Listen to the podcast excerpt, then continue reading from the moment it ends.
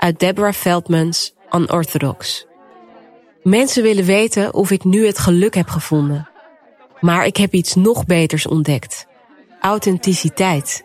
Ik heb eindelijk de vrijheid om mezelf te zijn en dat voelt goed. Als iemand jou ooit probeert wijs te maken dat je anders moet zijn dan je werkelijk bent, hoop ik dat ook jij de moed zult vinden om te protesteren. Je luistert naar Van God Los met de verhalen van Daniela, Aida, Mathilde, Fieke, Micha en Rayan.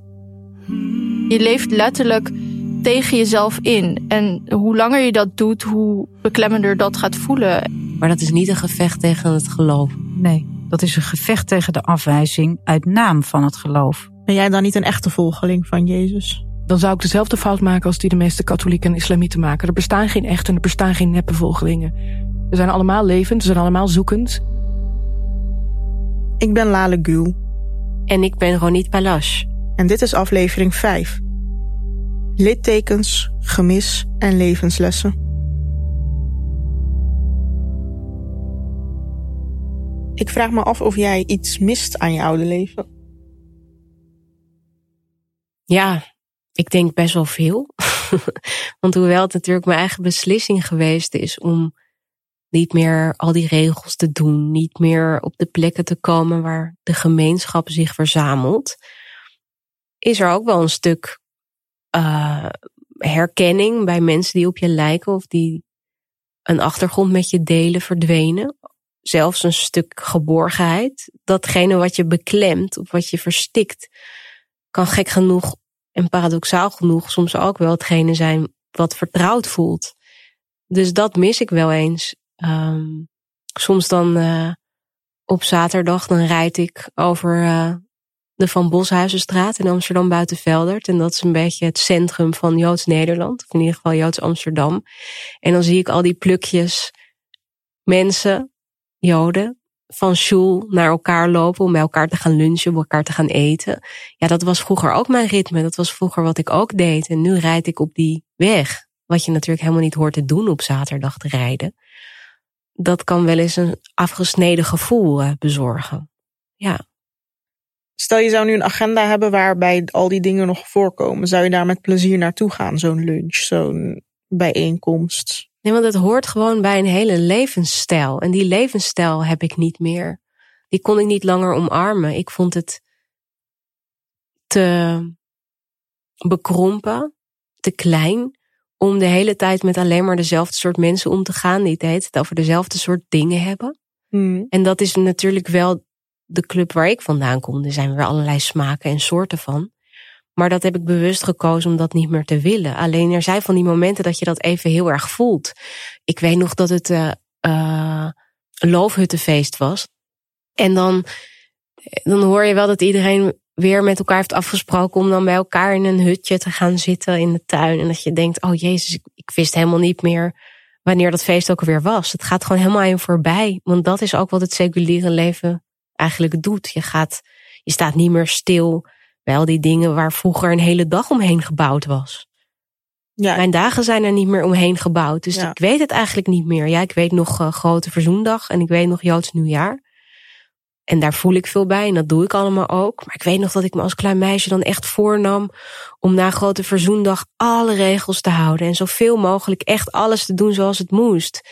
En nu niet meer. Dat is ook wel raar. Nog steeds. Je ervaart dat niet als bevrijding. Nou ja, het is prettig dat ik mijn eigen leven kan indelen zoals ik wil. En dat ik niet meer de druk ervaar die ik heel lang wel heb ervaren. Maar er gaat ook iets verloren aan gevoelens die je hebt. Van waar je vandaan komt. En dat zijn best heftige gevoelens. En die kun je niet zomaar helemaal uitschakelen. Dat wil ik ook niet. Heb jij geen gemis ooit? Nee, dat alles wat je vertelt is vrij onherkenbaar voor mij. Omdat ik bij alles denk, oh wat fijn dat ik die ramadan, dat dat gewoon helemaal aan me voorbij gaat. Of het suikfeest, of het offerfeest, of welke speciale gelegenheid dan ook. Maar er waren toch ook wel delen van die tradities die je een prettig gevoel gaven? Was het alleen maar kommer en kwel? Ja, echt alleen maar. Voor mij wel. Lekkere dingen eten. Dat kan ik nu nog steeds. Dat is helemaal niet speciaal voor die dag. Ik uh, kook uh, heel graag en ik maak heel vaak lekker eten. Dus dat, uh, dat, dat, kan, dat zie ik totaal los daarvan. Dus ook niet in die samenstelling van de familie of van de mensen die bij elkaar kwamen. Dat was juist niet prettig. Nee, ik mocht mijn familie ook nooit. Ik vond het altijd maar bekrompen, domme mensen die altijd als ik een mening ergens over had wat niet uh, strookte met hun mening. Dat ik dacht van nou, uh, waarom uh, moet je me op die manier zo aanvallen daarop bijvoorbeeld. Zo, ik, ik kon me altijd heel onprettig voelen bij heel veel familieleden. Ik vond ze altijd heel bekrompen, heel streng, heel onprettig om in de buurt bij te zijn. Ik, er was ook altijd een soort angst van, oh, uh, die en die oom komt. Oh ja, ik moet uh, weer een langere jurk aan of uh, weet ik veel wat. Of ik moet, ik moet extra beleefd zijn en ik moet rechtop zitten. En ik moet niet met de benen wijd zitten en niet met de benen over elkaar. En weet ik veel wat. En ik moet vooral bescheiden doen en weet ik veel wat. Dus ik, ik vind het allemaal kommer en kwel inderdaad. Toch zijn heel veel mensen die lastige relaties onderhouden met familieleden, met name met ouders, toch ook altijd op zoek naar begrip, erkenning worden gezien door diezelfde ouders. Ook al zijn het ouders die ze eigenlijk niet mogen. Ja, Stockholm-syndroom noem ik dat. ik heb dat gelukkig niet. Het is. Uh... Nee, ik, ik heb zo erg uh, jarenlang neergekeken op iedereen die iets tegen mij had. Of de manier zoals ik mijn leven wilde invullen, zeg maar. Dus in alle vrijheid en hoe ik me daar gelukkig bij voelde daar heb ik op een gegeven moment zo op neergekeken dat ik dacht, ja, jullie gaan nooit begrijpen. Jullie zijn allemaal super dom en super bekrompen. Jullie gaan hier nooit uitkomen. Ik wel. En ik ben anders dan jullie. Dat ik me ook gewoon hoger dan hen heb gevoeld. En dat gevoel heb ik nog steeds. En ik heb echt helemaal geen wens om erkenning, begrip, uh, liefde. Dat, dat, is er gewoon niet meer. Het is echt um, omgeslagen in een soort van haat. Het is echt zo. Maar dat klinkt heel onthecht. Ja, maar dat is ook de enige manier waarop je zonder schuldgevoelens, et cetera, ervan afkomt. Want dat, anders blijf je er maar over pijnzen en zo. En dat wil ik niet. Maar je zegt dat het omsloeg in haat. Mm. Hoe is het om elke dag te haten? Nou, niet eens haat. Nee, het is pure onverschilligheid eigenlijk. Het is niet, uh, ik ben er totaal gewoon niet mee bezig. Het boeit me niet. Wat boeit je uh, wel? Wat raakt jou nu? Ja, de, de, mensen die ik nu om me heen heb, de nieuwe vriendschappen die ik ben aangegaan. Waarvan je altijd bang bent dat ze weer verdwijnen? Nee, niet bang. Zeker niet. Ik hou er rekening mee. Ja. Ik ben er niet bang voor. Zeker niet.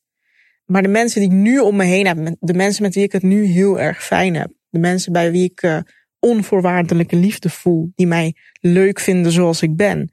Dat ik niet uh, dingen hoef te doen om, ze, om maar leuk gevonden te worden of om maar ook geaccepteerd te worden daar heb ik het nu heel fijn mee en daar focus ik op. En ik denk niet eens meer na over, over die oude gemeenschap. Soms kom ik uh, dingen tegen op Instagram of zo van ze. En dan denk ik, oh, wat, wat fijn dat ik niet naar die bruiloft van die en die moet. Of dat, ja, het is totaal um, ja, geen gemis. Gewoon juist alleen maar het gevoel van, oh, wat fijn. Maar ik kan me voorstellen dat als je wel familieleden, et cetera, hebt gehad, waar je gewoon een heel fijn gevoel bij had, dat je wel dat gemis hebt. Maar ik had dat gewoon niet. Dus dat betekent ook nooit spijt? Nee. Ik zie dat niet voor me dat ik dat, dat, ik dat ooit ga krijgen. In deze aflevering gaan we het hebben over littekens, gemis en levenslessen. We beginnen met Fieke Opdam, die 8,5 jaar in het klooster leefde als non. Na onze oproep voor deelnemers aan de podcast mailden ze ons met een dringend verzoek. Nodig in godsnaam een christen uit. Omdat wij Nederlanders, wij geilen enorm op de slechte kanten van de islam. En we vinden het ook een veilige thuiswedstrijd. Want dan kunnen we zeggen, oh dat gebeurt allemaal in de islam. En al die meisjes die onderdrukt worden. En al die jongens die homoseksueel zijn, wat dan niet mag. En oh wat slecht, wat slecht. Maar daardoor durven we eigenlijk niet meer naar binnen te kijken. Nederland is van oorspronkelijk een christelijk land. En ik ben van mening en ik weet dat er echt heel veel christelijke jongeren en jongvolwassenen en misschien ook wel ouderen zijn die zich onderdrukt voelen binnen het christendom. Die verplicht naar homoseksuele uh, genezingskampen worden gestuurd. Die uh, gedwongen worden om met een vrouw te trouwen terwijl ze eigenlijk op mannen vallen. Die uitgestoten worden door hun familie omdat ze ervoor kiezen hun leven te leiden op een manier die bij hun past. Die zich dodelijk, dat zijn nog dan buitenkant effecten, maar die zich van binnen ontzettend zondig voelen. Die misschien nu naar ons luisteren en ook denken, ach, die mensen die gaan allemaal naar de hel. Die doodsbang zijn. Um, en niet eens doorhebben dat ze bang zijn, omdat ze denken dat dat de norm is. En daarom vind ik het zo belangrijk dat er ook christelijke mensen opstaan en die zeggen: hé, hey, uh, ik snap wat je bedoelt, ik snap wat je voelt. En ook ik dacht dat mijn gedachten zondig waren. Uh, dat ik dit allemaal niet mocht denken. Maar door dit te denken ben ik wel vrij geworden. En nu ik eenmaal vrij ben, durf ik je te zeggen: de wereld is zo zondig helemaal niet. Um, dus ja, ik zou ze eigenlijk gerust willen stellen. Dat geruststellen is niet altijd makkelijk, weet ook Inge Bosga. Zij is coach voor kerkverlaters en deskundige op het gebied van religieuze dogma's. En vooral in het loslaten daarvan. Ze is veel in contact met mensen die hun geloofsgemeenschap verlaten of dat overwegen.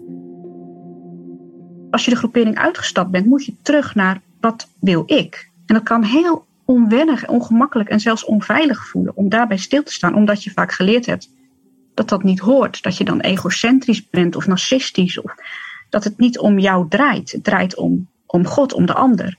Dus mensen voelen zich daar heel ongemakkelijk bij en hebben dan echt een, uh, een achterstand in hun, ja, in hun zelfvertrouwen eigenlijk. Ze hebben altijd geleerd dat ze geneigd zijn tot alle kwaad, niet in staat tot ene goed. Om van die termen die, die gebruikt kunnen zijn. En dat maakt dat je, ja, je moet eigenlijk gaan leunen op iets wat je niet vertrouwt. Je hebt geleerd bang te zijn voor jezelf. Je hebt geleerd bang te zijn voor de wereld, de mensen van de wereld. Het is ook heel moeilijk om hulp te gaan zoeken in de wereld. Want die therapeut die je dan treft, ja, wat als die onder invloed van de duivel is en jou nog verder bij God vandaan trekt? Het kan een hele angstige ervaring zijn om op eigen benen te gaan staan, omdat die nog niet ontwikkeld zijn.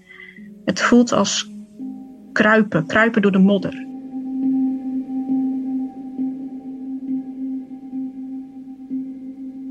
Ben jij nu gelukkig? Dat een grote vraag. Ja, ja, ik denk het wel, ja. Mathilde hoor je hier. Ze groeide op in een reformatorisch gezin en liet het geloof stapsgewijs achter zich. Met hier en daar een terugval, zoals ze het zelf noemt. Inmiddels is ze echt van God los en al tien jaar getrouwd met haar vrouw. Ja, ik ben zeker gelukkig. Uh, ja, in mijn huwelijk maar ook in mijn leven. Ik ben uh, op dit moment uh, schrijversvakschool aan het doen. Ik ben heel veel aan het schrijven. Ik ben eigenlijk ook gewoon nog steeds aan het verwerken. Ja, wat ik allemaal heb meegemaakt, het milieu waar ik uitkom. En dat geeft me heel veel energie om dat, om dat te doen. Je bent in zekere zin echt uitgestreden. Je hebt niks meer waarvan je denkt, oh ja, hier moet ik, moeten we nog aan werken met familieleden of omgeving? Nee, het zit meer in mezelf, denk ik. Dat ik gewoon, uh, ik heb nog wel uh, psychische hulp. Omdat ik ja, best wel wat problemen had met mijn zelfbeeld. Ook, denk ik, door mijn opvoeding, maar ook gewoon door hoe ik ben. En daar, uh, daar ben ik mee. Dus ik ben eigenlijk meer met mezelf bezig. En hoe ik mezelf zie. En hoe ik eigenlijk hoe ik geleerd heb om met mezelf om te gaan hoe ik dat kan veranderen. Dus daar ben ik vooral mee bezig. Ja, dus... ik denk ook dat als je een goed zelfbeeld hebt, ben je eigenlijk ook niet eens meer op zoek naar volledige acceptatie. Want dan ben je al zo gelukkig met jezelf. Klopt. Ja, dat dat uh, enorm helpt met. Dan kun je ook alles, zeg maar, wat teleurstellend is uit je omgeving, kun je dan veel beter relativeren. Omdat je toch wel gelukkig bent met jezelf. Ja, en die stem als die stem in je hoofd gewoon niet de hele tijd bezig is om te zeggen van dit mag niet of je moet hierop letten. Dat kreeg ik op den duur namelijk steeds meer. Ik had eerst, toen ik in de twintig was, was ik, jee, ik ben vrij, ik kan doen wat ik wil. Uh, en toen op den duur merkte ik dat ik me steeds, mezelf steeds meer ging inperken en dat ik toch steeds weer meer rekening ging houden met de regels om me heen, ook al waren dat andere regels. En dat ik toch gewoon zo geneigd was om mezelf aan te passen, dat ik dat toch weer ging doen. En dan eigenlijk zelf, zonder dat iemand me dat oplegde. En daar, ja, daar heb ik gewoon best wel veel therapie voor nodig gehad. Om daar weer uit te breken. Om uit die hele mentale staat uh, te komen.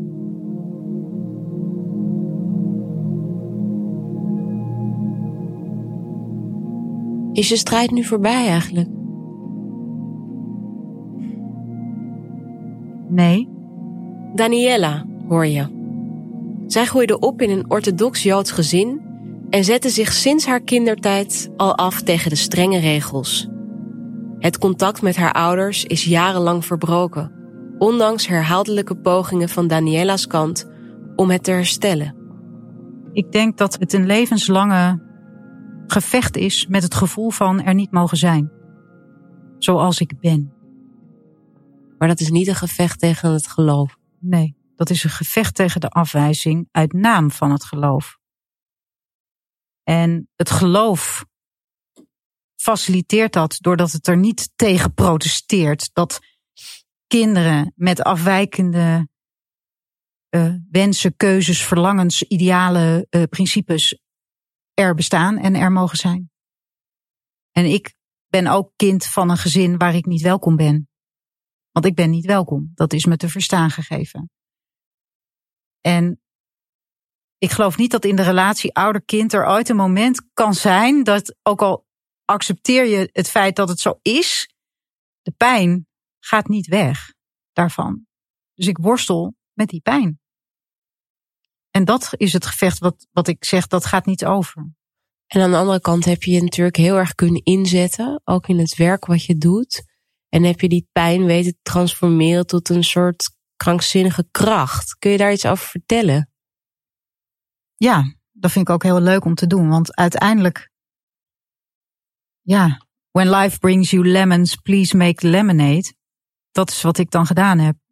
Mijn ervaring met dat staan voor jezelf betekent dat je misschien weg moet of weggestuurd wordt of keuzes moet maken die je zeg maar verbindingen verbreken of onder druk zetten.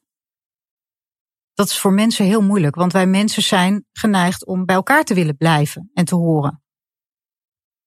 Maar als dat meer kost dan, dan oplevert, dan zit je in die gewetensnood. En door wat ik heb geleerd, ik werk nu met mensen die op hun manier op zoek zijn naar zichzelf en waar ze echt zichzelf zijn. En vaak komen ze erachter dat dat op plekken is, of dat nou werk is of, of, of setting, die misschien niet geheel is wat de omgeving van ze verwacht. Kun je even kort uitleggen wat je precies doet voor werk? Nou, wat ik doe gaat eigenlijk over persoonlijke groei en ontwikkeling als individu, maar ook in teams bijvoorbeeld.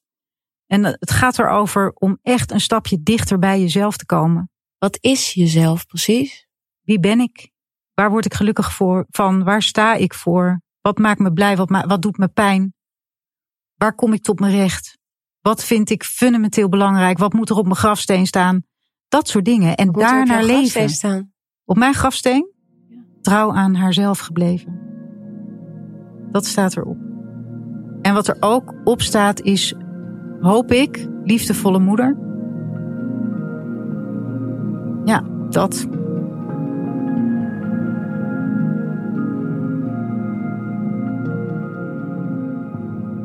Waarom heb je ervoor gekozen om je verhaal hier te doen?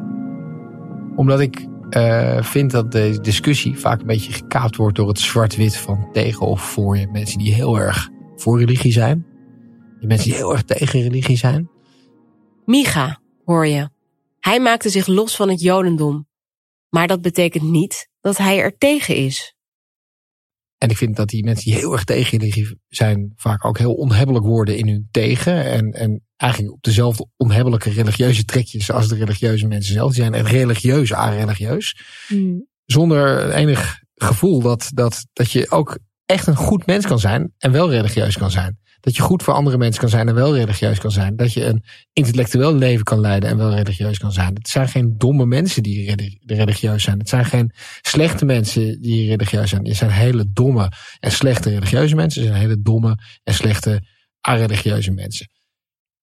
Ik kom niet uit een huis waar, uh, waar ik de slechtheid van religie heb ervaren. Helemaal niet. Ik heb de cultuur ervaren. En ik kom ook niet uit een huis waarbij ik uh, verketterd ben en, en weggezet ben en niet meer welkom was toen ik een andere keus maakte. Integendeel, ik heb ongelooflijk lieve ouders waar ik heel trots op ben, waar ik, ben trots om uit het gezin te komen waar ik vandaan kom. Het hoeft niet altijd een hele harde break-up te zijn waarbij je binnenkomt en zegt en vanaf nu doe ik helemaal niks meer en dat het dan allemaal heel pijnlijk en, en nasty is. Want zo was het helemaal niet. En dat geluid mag je denk ik ook wel uh, laten horen.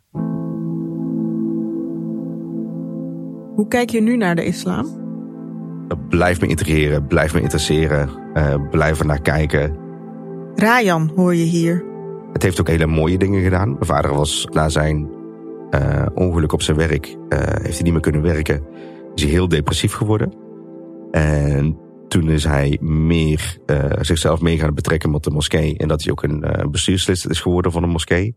En dat heeft hem wel een beetje uit de depressie gehaald.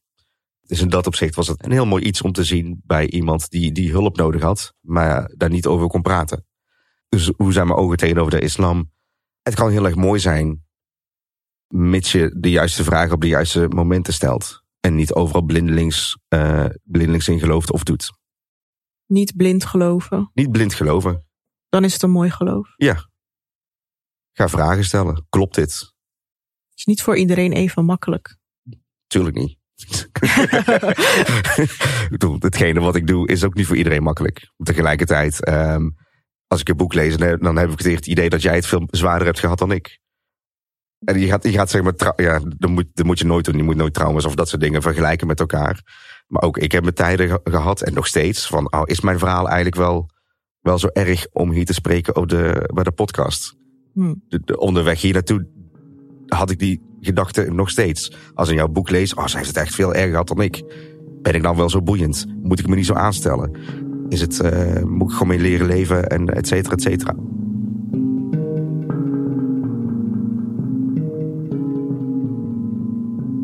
Wat zou je tegen mensen willen zeggen die in een vergelijkbare situatie zitten als jij? Of die worstelen met dezelfde lastige keuze?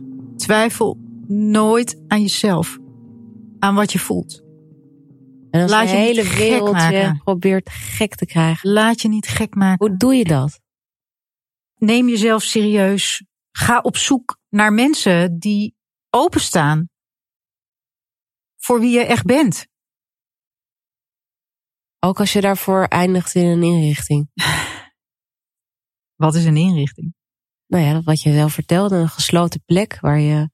Waar ik mezelf heb kunnen opbouwen en die ik achteraf definieer als mijn tweede baarmoeder. Die ja, gun ik bij wijze van spreken iedereen. Precies. Dat is niet de one flew over de koekoesnest. Kijk, dat gun ik niemand. Maar misschien is dat certified crazy of wat het ook was. Ja, redding wel geweest. Nou, misschien wel. Ja. En weet je, heel veel mensen, een van de dingen die ik doe die zo krachtig zijn in het werk met mensen, is als je echt mag zeggen hoe het echt voor jou is. En je bent niet bang wat de ander daarvan vindt. Nou, dat is een transformatie, dat is niet te geloven. En vaak ben ik degene die daar dan als coach of als trainer, want dat zijn de rollen die ik dan heb, coach en trainer, dat ik daar als mens getuige van ben. Want de eerste keer dat ik tegen mijn therapeut zei: Hoe kan ik nou van deze ouders houden? Ik weet dat ik van ze moet houden, vijfde gebod. Ze doen me pijn, zoveel. Ik vind het zo moeilijk om ze te houden. En dat die persoon tegen mij zei: Dat is oké. Nou, daar begon het. Daar begon het. Dit is mijn eerlijke beleving. En ik gun iedereen dat je echt eerlijk mag zijn wie je bent en dat mag voelen. En daar heb je Ieder mens heeft recht op liefde en dat is liefde, dat je mag zijn wie je bent. Het is moeilijk voor mij om een advies te geven, omdat ik zeg maar nog met mijn ouders kan wonen en ik uh, heb nog een redelijk goede relatie met ze.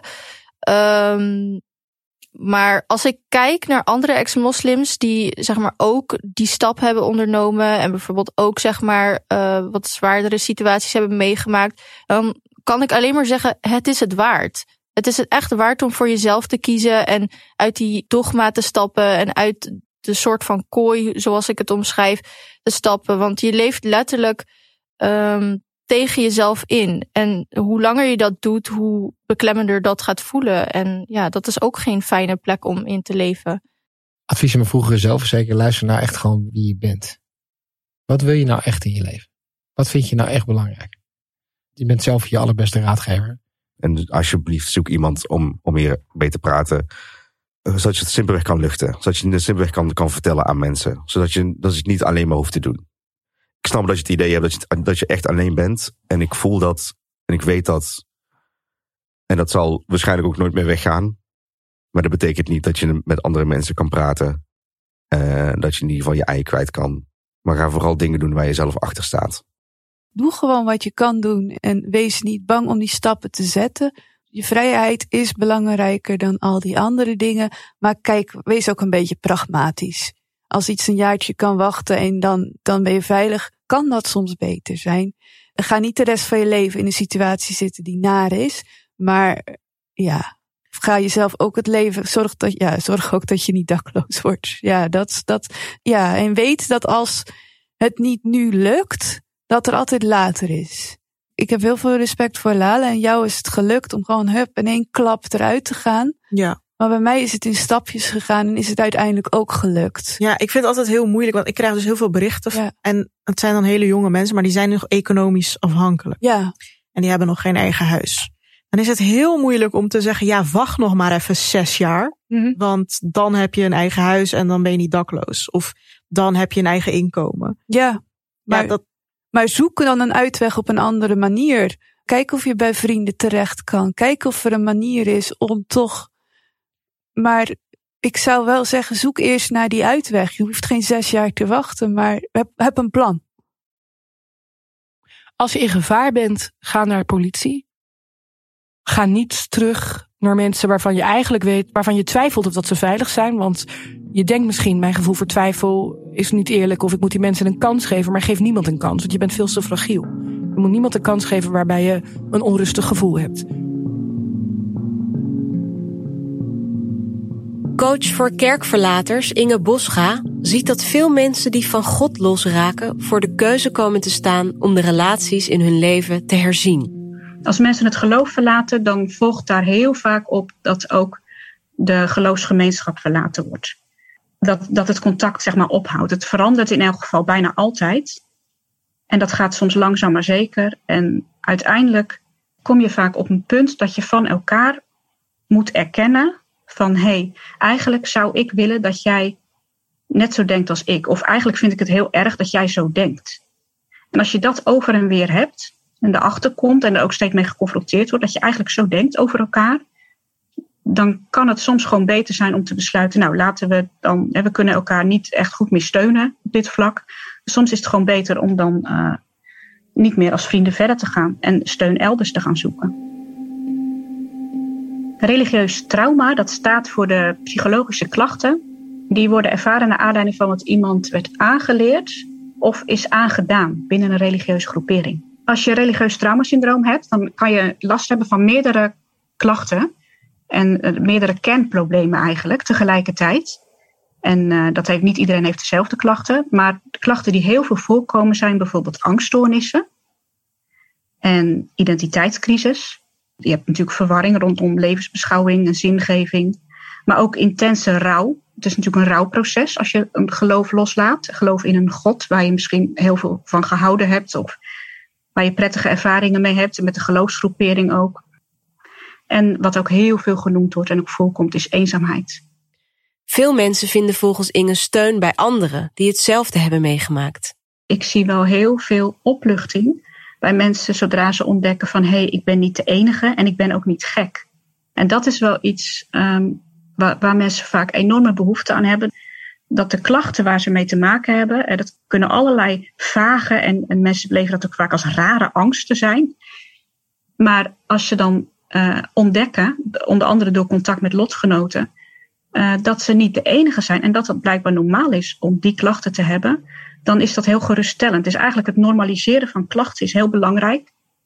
En ook het, het, het onschuldigen. Mensen voelen zich vaak heel erg schuldig. Dat kan nog heel lang blijven knagen. Van schuldig bijvoorbeeld naar God ten opzichte van, nou ja, wat, wat er dan wel waar is. Wat als ik het mis heb. Maar ook schuldig naar familie en vrienden, die, die vaak verdriet hebben omdat je de geloofsgroepering hebt verlaten. En um, vanuit hen komt vaak ja, een soort aanklacht van hé, hey, als jij nou gewoon weer terugkomt, dan hebben wij geen pijn meer. Dan is alles weer goed. Dus het lijkt net alsof jij de sleutel in handen hebt van hun emoties. Maar dat is natuurlijk niet eerlijk. Het is niet, het is niet de schuld van de geloofsverlater dat andere mensen verdriet hebben. Het is hun geloofssysteem wat maakt dat ze zo denken over iemand die de geloofsgroepering verlaat. Op Facebook is een verborgen steungroep voor geloofsverlaters en kerkverlaters ook. Uh, is actief en uh, echt heel actief. Daar wordt heel uh, intensief gedeeld en mensen zijn erg betrokken. En daar halen mensen ook heel veel steun aan. De groep is verborgen, alleen maar te vinden door leden. En dat geeft ook een gevoel van veiligheid. Er is wel een strenge toegang. Je, moet, je kunt alleen maar de groep binnenkomen door eerst contact te zoeken met een van de beheerders. Die kan je toelaten, maar die zou eerst even een gesprekje hebben van nou, wie ben je, welke geloofsgroepering, waar ben je in opgegroeid, uh, hoe kijk je daar nu tegenaan? En wat, wat zoek je in de steungroep? Wat heb je nodig? Want dat is ook even om te checken van, hoor je bij de doelgroep, pas je in de groep? En ook om de veiligheid binnen de groep ook zo groot mogelijk te houden.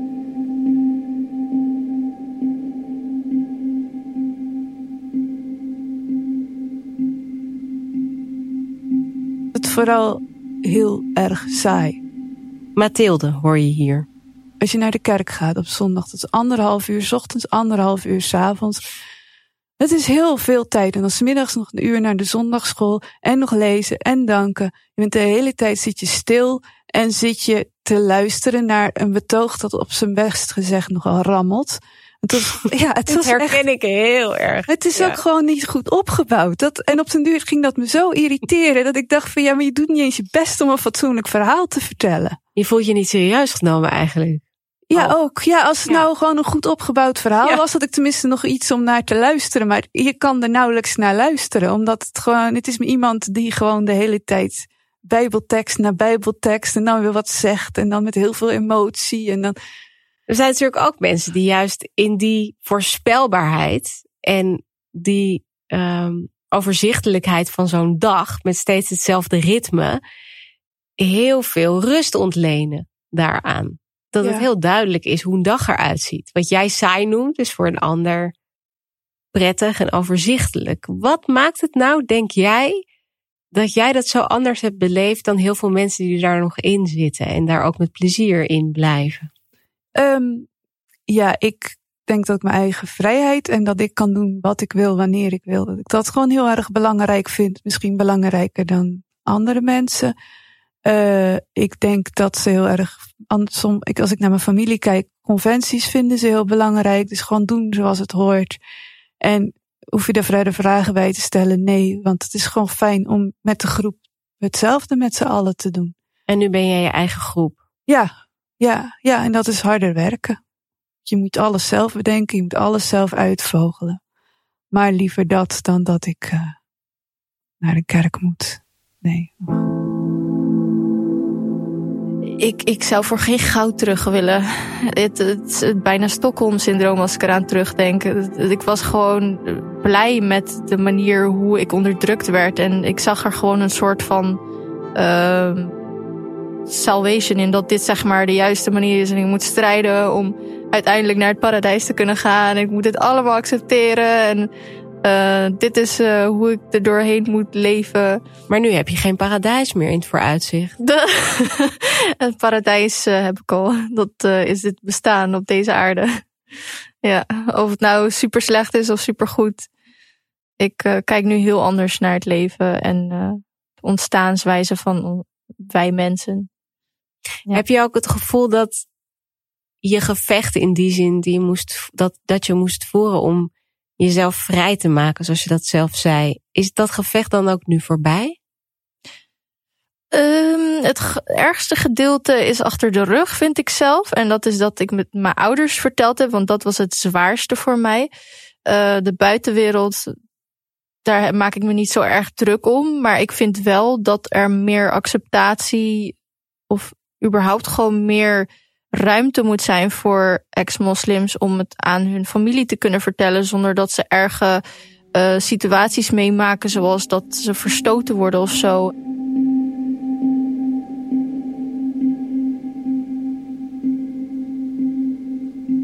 En heb je er niet aan gedacht om gewoon een lichtere vorm van het katholicisme te proberen? Het begin heb ik dat zeker geprobeerd. De eerste paar jaar heb ik dat zeker geprobeerd. Maar ik ontdekte gewoon dat die... Op een gegeven moment je daar gevoelig voor. En ik zag gewoon dat die structuur eigenlijk overal doorheen zat. Ik, ik ken een weduwe met kindjes die gewoon alles voor de kerk deed toen haar man nog leefde. Haar man overleed en zij werd gewoon uitgekotst. Ik zag op alle niveaus dat dit gebeurde. En ik dacht ook gewoon, ik, ik zit in de theaterwereld. Daar zijn er ook mensen die mensen misbruiken. Ik bedoel, het is niet zo dat ik nu perfecte mensen om me heen heb. Daar gaat het helemaal niet om. Alleen, ik bepaal nu wel mijn eigen hiërarchie. Er is niemand meer die in mijn leven komt die zegt, Fieke, je moet op zondag naar de kerk. Ook, want ook in die lichtere kringen gebeurt dat. Uh, je moet op zondag naar de kerk. Als je dat niet doet, is het een doodzonde. Als je dat nu tegen me zegt, dan zeg ik, fuck jou, weet je, snap je? Ja. Die vrijheid wilde ik. En dat is niet iets, dat klinkt nu heel impulsief, maar dat heeft echt wel stapje, ook voor stapje voor stapje. Snap je? Dat is heel langzaamaan gegaan. Tot ik dacht, geloof ik nou eigenlijk echt in God? Of werd ik verliefd op het leven en op het beeld wat zij van God hebben geschept, omdat ik dat op dat moment nodig had? En ik geloof echt nog wel in een hogere kracht. Maar gewoon nuchter, ik kan me niet voorstellen dat er, als er al een God zou bestaan, dat er een God is die een paar mensen op aarde aan heeft getikt en heeft gezegd: Hé hey vriend, als je iemand tegenkomt, zeg even dat hij naar de hel gaat als je zich zo gedraagt. En je mag niet genieten van de seks. En oh ja, als je lesbisch bent, moet je toch met een man trouwen, want dat wil ik graag. Ik geloof het niet. Mhm. En toen wel.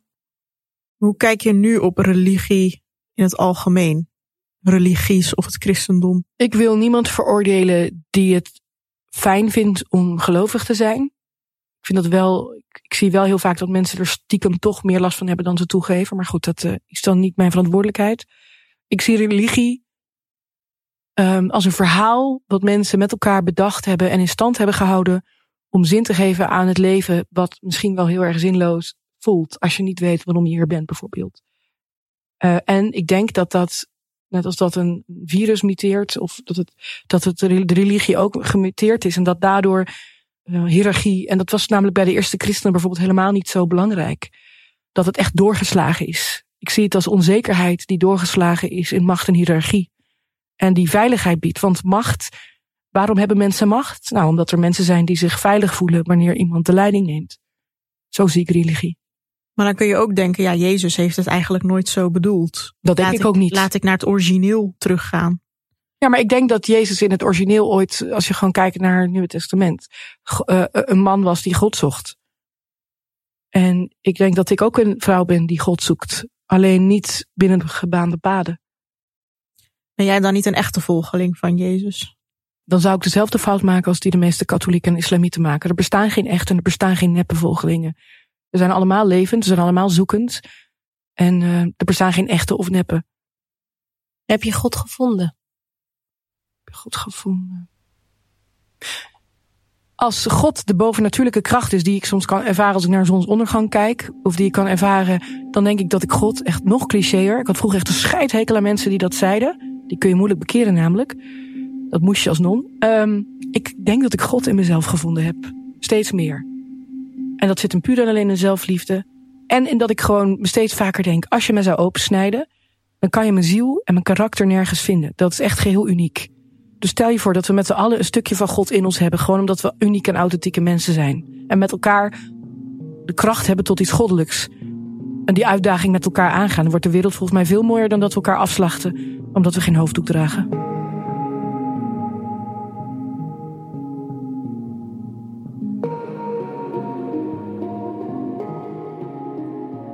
Dankjewel dat je luisterde naar Van God Los. Deze serie is gemaakt door Ronit Palash en mijzelf, Lale Gul, in samenwerking met VBK Audiolab, Cosmos Uitgevers en Audiohuis. Redactie was in handen van Maaike Baan, Hedy de Vree en Melanie Zwartjes. Regie en montage door Maaike Baan. Pauline Reinders deed projectleiding en Suzanne Terol coördinatie. Sounddesign werd gedaan door Gijs Vriese. De visuele vormgeving is van de hand van Margriet Ozinga. Dank ook aan Miranda Bruinzeel, Alice van Aarle en Rachel van de Poel.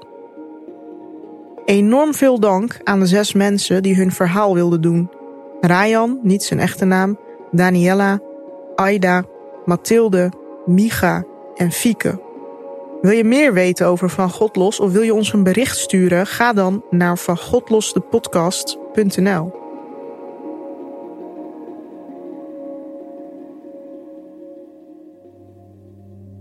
Hmm.